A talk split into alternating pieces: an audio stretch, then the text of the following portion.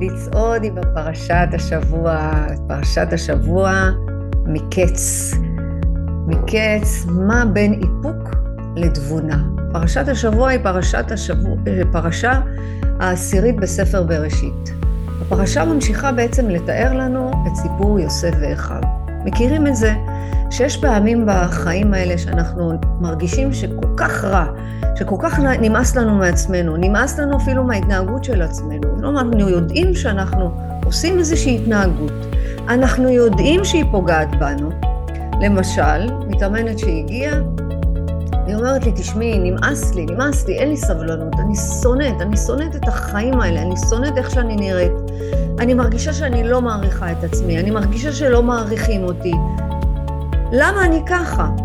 את צודקת, נמאס לך מעצמך. ואלה הרגעים, דווקא הרגעים האלה הם הרגעים שאנחנו צריכים לגדול מהם, ולא לייאש את עצמנו. ככה ההתנהגויות שלנו זה יכול להיות בהתמכרות, זה יכול להיות במחשבות טורדניות, זה יכול להיות בשליטה שאנחנו רוצים, שאנחנו רוצים כבר ודאות, שאנחנו כבר רוצים להתרחק מעצמנו. שם, שם יש צמיחה וגדילה. והפרשת השבוע היא נפתחת, יוסף מצוי בבור בכלא מצרים. ולמה חשוב שנלמד? למה חשוב שנקרא את פרשת השבוע? כי היא מתאימה בדיוק לאותו שבוע. היא מתאימה בדיוק לתודעה שלנו. פרשת השבוע זאת לא היסטוריה, זאת תודעה. יוסף מלמד אותנו בעצם שהוא חשוב מאוד מאוד בחיים האלה. איך להיות בבור, בנפילות ולא להתייאש. ואיך להבין דבר אחד, הכי חשוב, הכי הכי חשוב, שאותו אנחנו נלמד בסוף הפרק. אז יצאנו לדרך. על פי 12 הצעדים, המהלך הזה של התמסרות וכניעה זה ההפך מאגואיזם ויהירות. זאת אומרת, יש פסוק מאוד מאוד יפי, יפה, כוחי ועוצם ידי עשה לי את החיל הזה. גם אחים של יוסף חשבו שהכוח שלהם עשה את זה, שהם חשבו על איך לזרוק אותו בבור, הם חשבו להיפטר ממנו מתוך קנאה. גם לנו יש את הרגעים האלה שאנחנו רוצים להיפטר כבר, להיפטר מההתנהגות הזאת. אנחנו רוצים כאילו לקבור אותה מאוד מאוד באדמה, וזה בלתי אפשרי, כי כל התנהגות שיש לנו היא חלק מהחיים שלנו, והכי חשוב, אין לנו כוח לעשות את הדברים לבד. ולכן אנחנו צריכים כוח יותר גדול מאיתנו שיעזור. פרשת השבוע מקץ וחנוכה זה תמיד הולך ביחד. ומי הם היוונים? היוונים זה בדיוק כמו העקרבים והנחשים שהיו ל, ליוסף בבור.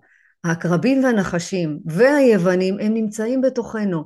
זה כל הקולות האלה שאנחנו שומעים בתוכנו, אתם לא יכולים, זה לא יכול, אין, אתם לא תצאו מזה, אין מצב שאת תפסיקי לאכול לשם התועבה, אין מצב שאת תעברי את זה ואת תצליחי להיות הרבה יותר טובה. אלה הם היוונים שנמצאים בתוכנו. היוונים רצו לשבור את הרוח, הם לא רצו להרוג אותנו. הם לא הבינו את הכוח, את האמונה הזאת שאנחנו מאמינים כל כך בבורא עולם. הם לא האמינו, הם לא הבינו את, ה, את הרצון שלנו להמשיך להתפלל, לעשות את הברית מילה. הרי מה הם רצו? שאנחנו לא נעשה ברית מילה, שאנחנו לא נהיה במקום הזה שיהיה לנו את בורא עולם. הם סגדו לגוף. הגוף שלהם הוא היה האלוהים שלהם. וכמה בינינו, כמה אנחנו משתמשים בזה היום. אומרת, אם הגוף שלנו ייראה טוב, ואנחנו נמשיך ללכת לחדר כושר, אנחנו נעשה ריצות, ואנחנו נאכל כמו שצריך, וזה ככה יהיה לנו מצב רוח. את תהיי רזה, את תהיי יפה. את תהיי חכמה, את תצליחי. את תהיי אה, אה, מוכשרת, יהיה לך טוב בחיים האלה. תהיה לך זוגיות טובה, יהיה לך טוב. ממש לא.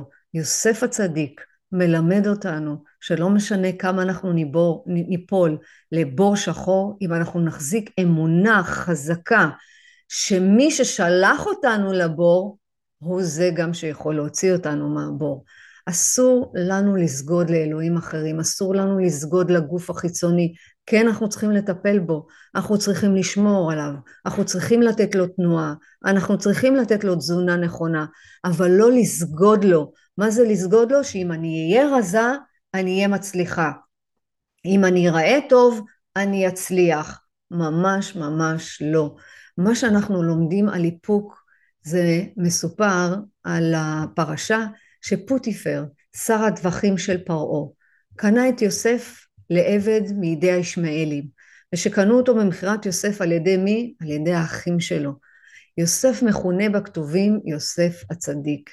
יוסף בהיותו במצרים ניסתה אשת פוטיפור, תראו כמה אנחנו מנסים אה, לשמור על איפוק ומנסים כל הזמן להיות, ב, בלהחזיק את עצמנו חזק חזק, אבל תמיד יהיה מישהו שיפתה אותנו. ואשת פוטיפר, נפתה, פוטיפר, ניסתה לפתות את יוסף, והיא כל הזמן ניסתה להכניע את היצר המיני שלו, כי הוא היה אדם גם יפה, אומרים שהוא היה אדם יפה והוא היה אדם אה, נאור, סך הכל הוא לא היה כזה מבוגר, הוא היה צעיר, והיצר המיני שלו היה מאוד מאוד חזק. ומה עשתה, היא ניסתה לעשות? לפתות את היצר המיני. והוא לא נענה לחיזורים שלו. למה? כי הוא כל הזמן ראה את אבא שלו מול הפרצוף. הוא כל הזמן ראה אותו ואמר לו, אבא שלי, אני יודע שאבא שלי לא מרשה לי לעשות את זה, אני יודע שאסור לי לעשות את זה. זאת אומרת, הוא שם לנגד עיניו את הכוח הגדול ממנו, הוא שם את אבא שלו לנגד עיניו.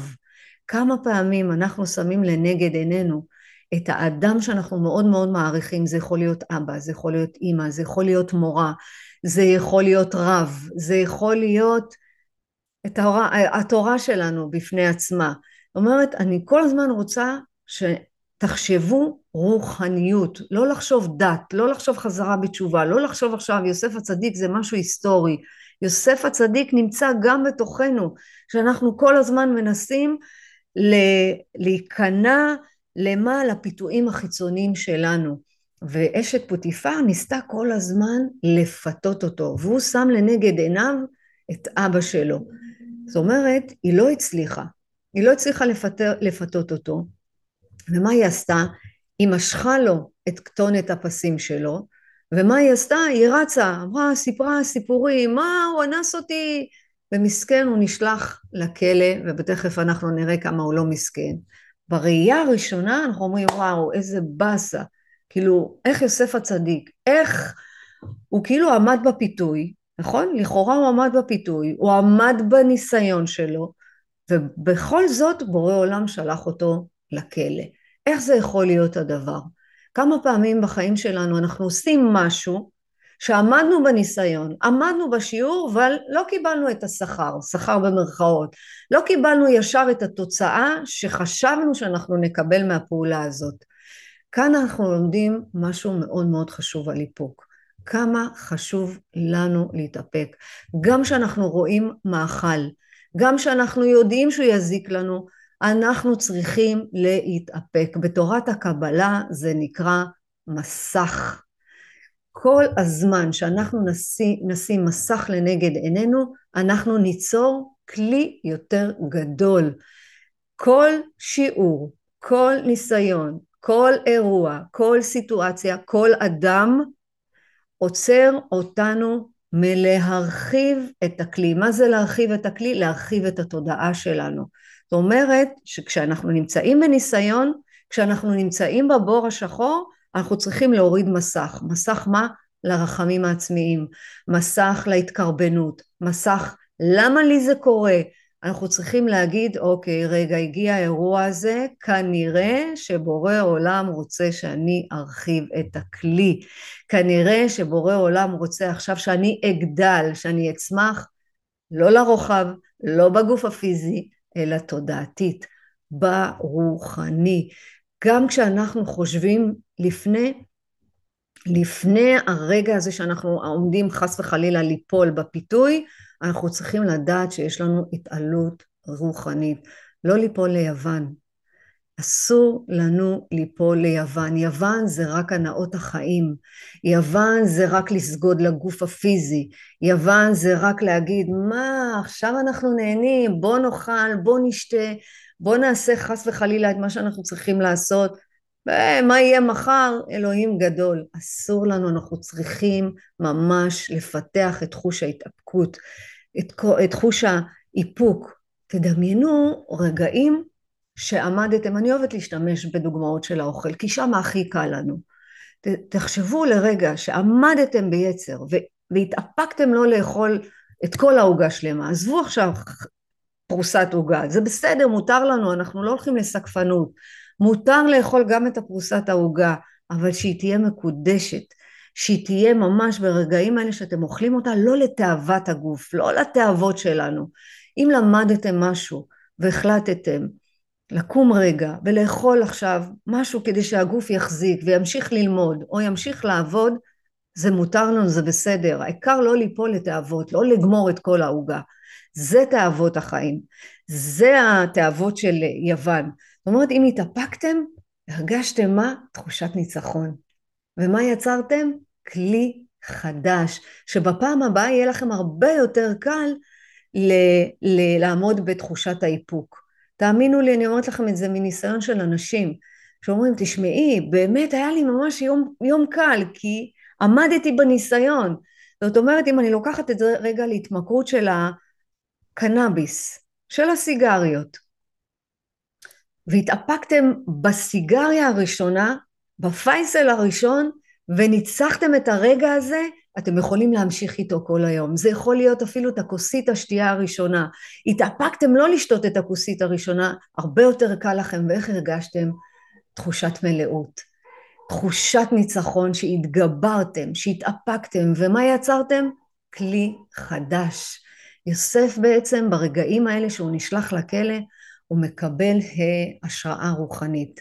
מה ההשראה הרוחנית הזאת? לפתור את החלומות של שר המשקים ושר האופים, ובעקבות זה להיקרא על ידי פרעה. זאת אומרת שהוא נפל לבור השחור, הוא התאפק, קודם כל הוא התאפק מול, ה, מול אשת פוטיפר, אחר כך הוא נפל לתוך הבור, הוא לא התחיל להתמסכן ולהתבכיין, הוא לא נתן לקולות של העקרבים והנחשים והיוונים להיכנס לתוכו, מה הוא עשה? הוא עשה חומה, אמונה, רק בורא עולם, רק בורא עולם, אני, אני בטוח, אני בטוח שעכשיו בורא עולם מסדר לי את החיים יותר טוב, ואז הגיעה אליו השראה רוחנית.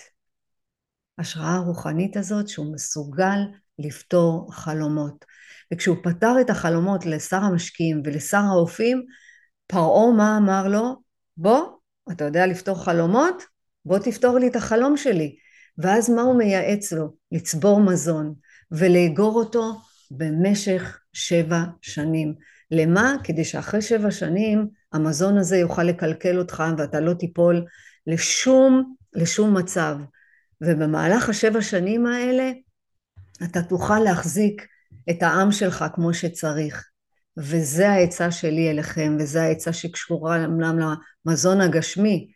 במצרים, מזון גשמי, זה צריך לכלכל אותך ואת העם שלך, אבל כאן אני נותנת לכם עצה.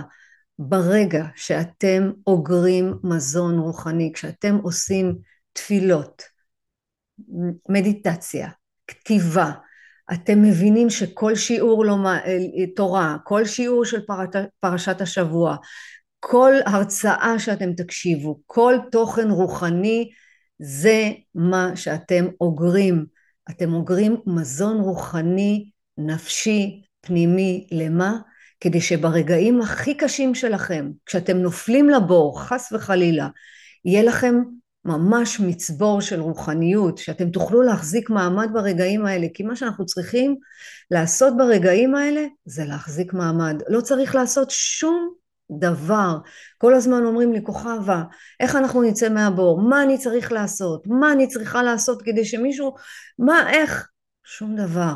אבל לאורך התקופה, כשטוב לכם, וכשנעים לכם, וכשאתם קמים בבוקר, וכשאתם בהודיה, וכשאתם אוגרים מזון רוחני לתוך הנשמה שלכם, אני יכולה להבטיח לכם שברגעים הכי קשים זה יעמוד לזכותכם. יוסף מקבל אתגר רוחני, כמו שלכולנו יש אתגרים רוחניים יומיומיים. הוא לא נכנע לחושים לתעתע אותו, זאת אומרת גם כשפרעה קרא לו, הוא לא נתן עכשיו ליהירות ולגאווה לתעתע בו, ממש ממש לא, הוא ידע שהוא כל הזמן בניסיון, ולנו, אסור לנו לתת לחמשת החושים לתעתע בנו. חמשת החושים שאנחנו רואים מציאות אחרת, ואנחנו שומעים קולות אחרת, ואנחנו נותנים לטעמים של האוכל לבלבל אותנו, אנחנו נותנים לריחות לתעתע, אנחנו נותנים לגוף הפיזי להרגיש ממש חזק, זה אסור לנו לתת לתעתע. האירועים הארציים יכולים לסנוור את העיניים שלנו, ואנחנו יכולים להשפיע על הפרשנות שלנו, וכך גם אנחנו משפיעים על החיים שלנו. זאת אומרת שכל מהלך פנימי הוא אינדיבידואלי. המציאות שהאחת רואה, המציאות השנייה, האחרת לא רואה את אותה מציאות. תזכרו שכולנו אינדיבידואלים, כולנו רואים מציאות אחרת, כולנו נוטים פרשנויות אחרות. אני לא יכולה לתת את אותה פרשנות כמו האחרת שנותנת, או כמו האחר שנותן לאירוע של החיים. אחד יגיד, אוי, נפלתי לבור, אוף, איזה באסה, נמאס לי, אין לי כוח, נמאס לי, אני רוצה למות. והאחרת תסתכל על האירוע ותגיד, אוקיי, מה אני יכולה לגדול ממנו? איך אני יכולה לצמוח? וזוהי ההתמרה שאנחנו צריכים לעשות. מהעצמי של נמאס לי, אין לי כוח, אין לי סבלנות, ל... לאלוהי. מה זה האלוהי? שאלוהים מיטיב איתנו בכל רגע ורגע. אין מצב שיש רע שיורד מהשמיים, גם אם זה נראה הדבר הכי נורא, נורא, נורא. ממש לא. למה? כי כשהאלוהי נמצא בתוכנו, יש לו משכן, אנחנו יכולים כל הזמן לשאול, מה עכשיו אנחנו צריכים לעשות? וזה קורה כשאנחנו נופלים לבור ויש בלבולים ויש ספקות. אנחנו דווקא בזמנים כאלה, אנחנו צריכים להיזכר בימים הטובים. וזה מה שהחזיק את יוסף. כל הזמן הוא החזיק את, ה, את האבא שלו מולו, את האהבה של אבא שלו מולו, את זה שהוא היה קטן, את זה שהוא פינק אותו, את זה שהוא הכין לו כתונת פסים, זה החזיק אותו, זה נתן לו את הכוח להיות בבור. וככה אני רוצה שאתם תתחזקו מכוח ההערה, מה, מההערה הזאת שהיו לכם ימים טובים, כשאתם חס וחלילה נופלים ואין לכם סבלנות, וזה קורה, זה קורה לכולנו, תאמינו לי. אבל הכי חשוב זה אנחנו צריכים להיזכר בימים הטובים, להחזיק משם את הכוח. זה נקרא בתורת הקבלה להשאיל מהעתיד שיהיה טוב, לקחת מהעבר שהיו ימים טובים, כמו שיוסף היה בבור. ככה הוא כל הזמן החזיק את התמונה, הוא החזיק שאבא שלו כל כך אהב אותו, הוא כל כך פינק אותו, ונתן לו את כל מה שהוא היה זקוק לו, וזה הכוח שלו. ומכאן אנחנו לומדים שבנפילות אנחנו צריכים ידיעה פנימית שהבורא איתנו כל הזמן. אחד המתאמנים שעבר ניתוח לא פשוט, שאל אותי, תגידי כוכבה, מה, מה, מה, מה, תמיד רגועה? מה, תמיד שלווה? מה, אין לך נפילות? אמרתי לו, תגיד לי, מה נראה לך? אה, מה, אני לא בת אנוש.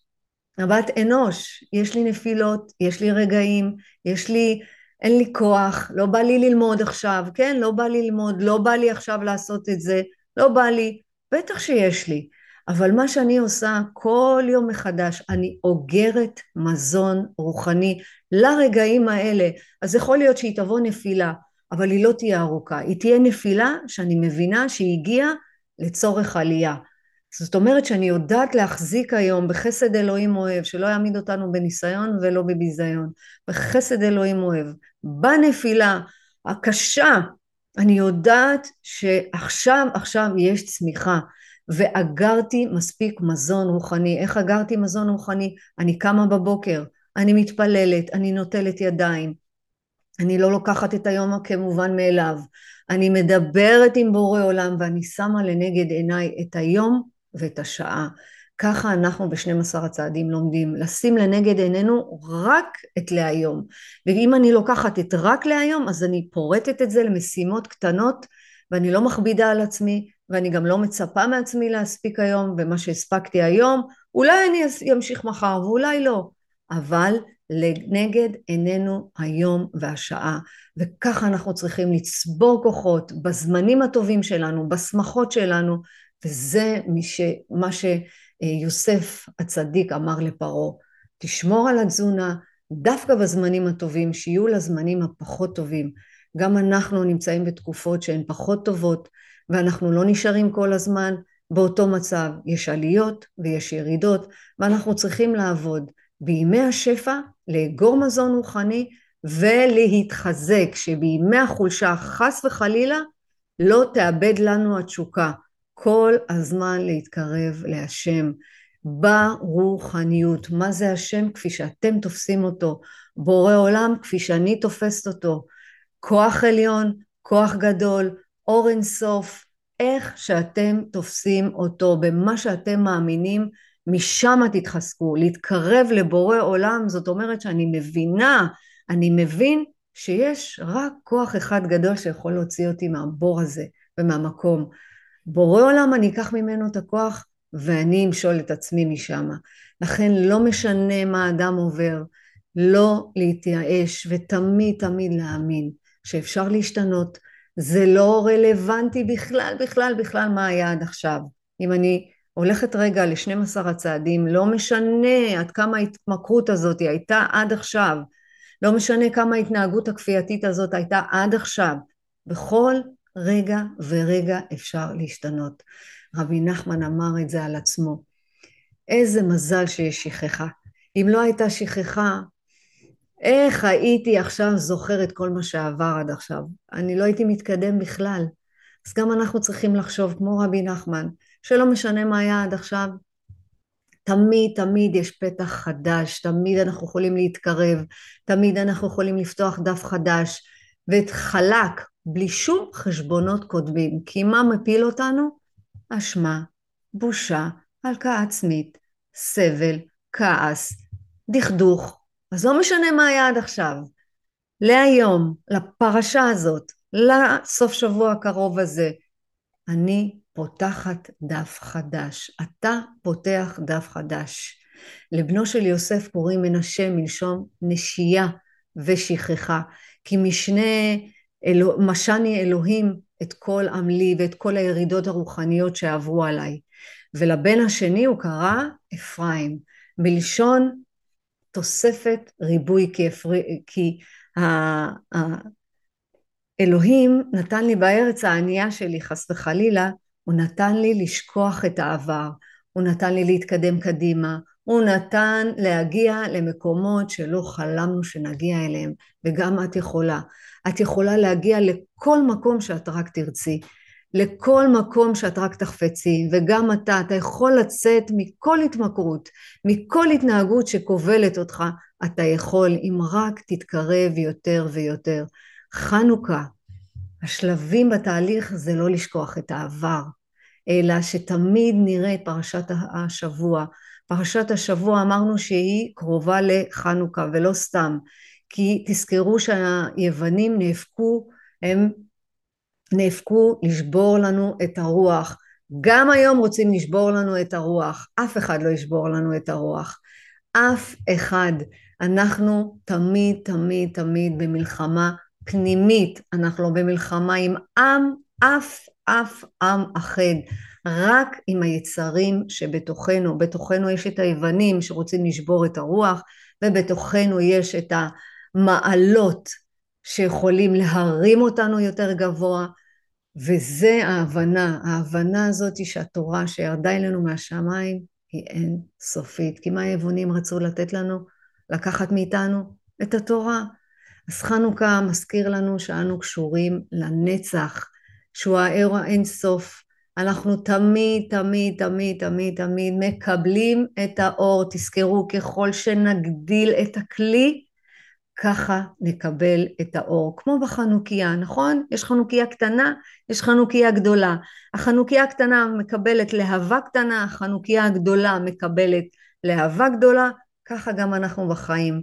ככל שאנחנו נעשה פעולות, חסדים, מצוות, הקשבה, למידה, צדקה, להעביר הלאה את הבשורה, שנלמד יחד את פרשת השבוע, שנבין ששנים עשר הצעדים זה לא רק למכורים, אלא כל יום, כל יום לעבור את דרך הרוחנית, שאת יכולה הכל, ואתה יכול הכל, אם רק נגדיל את הכלי שלנו. ככל שאנחנו נעשה אה, הזנה רוחנית בימים הטובים, ככה יהיה לנו גם את הכוח לעבור.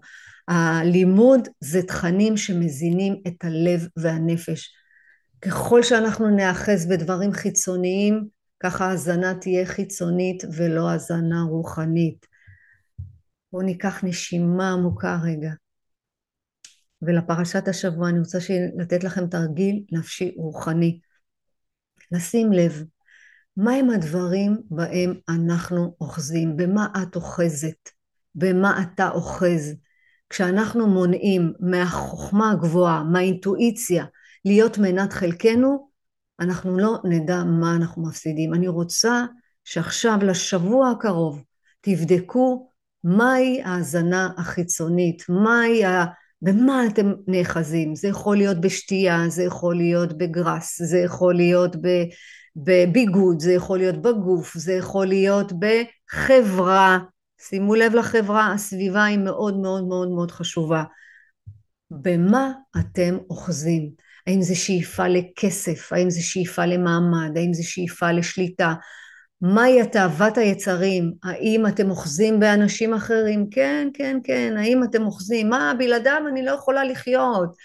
אם היא לא תיתן לי ולא תאשר לי, אז אני לא יודע איך אני אצליח בחיים האלה. מי שמנצח את היצרים שלו ברוחניות הוא האדם המצליח לשרוד את החיים. אני חוזרת על זה, מי שמנצח את היצרים ברוחניות הוא האדם המצליח לשרוד את החיים. לא האדם המצליח שיש לו כסף, מעמד, שליטה ובית ורכב וממש לא, כי לא בטוח שהוא יכול לשלוט ביצרים שלו, הרוחניים, אלא מי ש... שולט בתוך היצרים שלו, הוא האדם המצליח. אני רוצה שכל כל התקופה הזאת של כל השבוע הקרוב, לשים לב. לשים לב למחשבות שלנו, לשים לב לדיבורים שלנו, לשים לב לפעולות שלנו. בבוקר המחשבה הראשונה היא זו שקובעת. איך שאתם תקומו בבוקר, עם המחשבה ככה זה יהיה. יוסף הצדיר קם בבוקר בבור השחור עם המחשבה, אלוהים איתי, בטוח הוא שם אותי במקום הנכון, זה המקום המדויק, אני אראה את אבא שלי מולי, ככה הוא שרד את היום שלו וככה גם אתם תשרדו. שימו לב למחשבה כי היא קובעת את כל היום. ולסיום, אני רוצה לתת לכם אה, את הסיכום שיעור של פרשת השבוע, שמה שאנחנו לומדות ולומדים מיוסף, יוסף היה איש מצליח, וכך גם את, וכך גם אתה, גם אני, אדם שרוצה מאוד מאוד להצליח. מה שהפך אותו למצליח זה הפנימיות שלו, כי הצלחה זה התגברות פנימית ולא חיצונית. אל תחשבו שמה שאתם רואים בחוץ אצל כולם זוהי ההצלחה. אל תיתנו למציאות הזאת לתעתע אתכם. תשימו לב אתם מולכם, על ההתגברות הפנימית שלכם, על מה שאתם עוברים בפנימיות. והכי הכי חשוב, אני רוצה לתת לכם כמה נקודות. הנקודה הראשונה, שאמונה, אמונה חזקה בבורא עולם, ככה אנחנו נתחזק יותר ויותר. ותמיד לדעת שהבורא עולם הוא זה שמשגיח. מה אמר יוסף לאחים שלו? מה אתם לוקחים קרדיט? כאילו שאתם זרקתם אותי לבור, כאילו שאתם מכרתם אותי. ממש ממש לא. בורא עולם שם אותי בבור הזה, כי בורא עולם היה צריך אותי שאני אפתור לפרעה את, ה, את החלום, ואם אני אפתור לו את החלום הוא ישים אותי יועץ יותר גדול, ואז כש...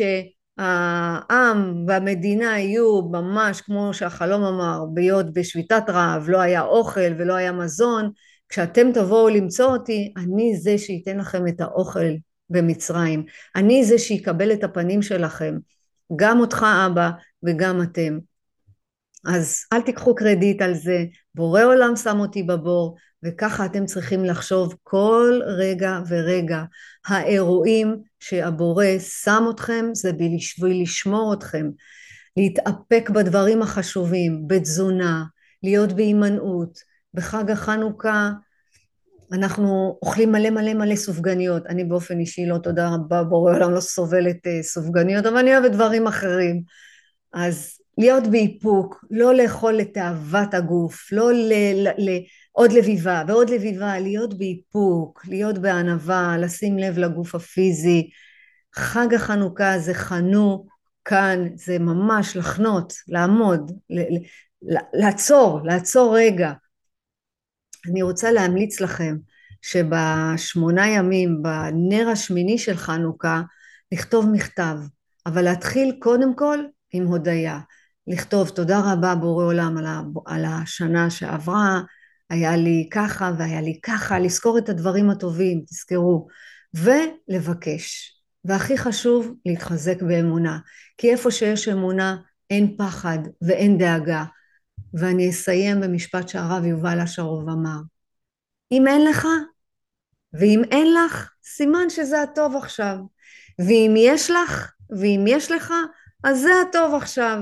תמיד תמיד לזכור שמה שיש עכשיו זה הכי טוב שיש. איפה שאתם נמצאים זה המקום המדויק שאתם צריכים להיות. ואם את רוצה יותר מזה, את יכולה, ואם אתה רוצה יותר מזה, אתה גם יכול. יש בך את יוסף הצדיק, ובך יש את יוסף הצדיק. בכולנו יש את יוסף הצדיק להצליח, להיות באיפוק, להיות באמונה. אז אם, אם תוכלו להגיב, לכתוב, משהו שלקחתם מהפרק הזה, משהו שלקחתם מהפרשה שהדהד לכם בלב, שהדהד לכם ככה ממש בתוך תוככם שאתם הולכים לעשות, אני יותר מאשמח לדעת למה, כדי שגם אנשים ילמדו מזה. לא בשבילי, אלא בשביל שנעביר את הבשורה. תמיד תזכרו שאנחנו כאן ללמוד וללמד. אז כולי תקווה שהפרשה הזאת הוסיפה לכם ערך מוסף, ואם אתם רוצים לשאול, לא יודעת, לתת מענה, אני כאן בשבילכם. יאללה, תעבירו הלאה, ושמי ש... מי, מי ייתן שאנחנו תמיד תמיד תמיד נהיה באמונה שלמה, בהרבה אהבה, בהרבה שמחה, ובעיקר להתחזק. להתראות בפרשה הבאה.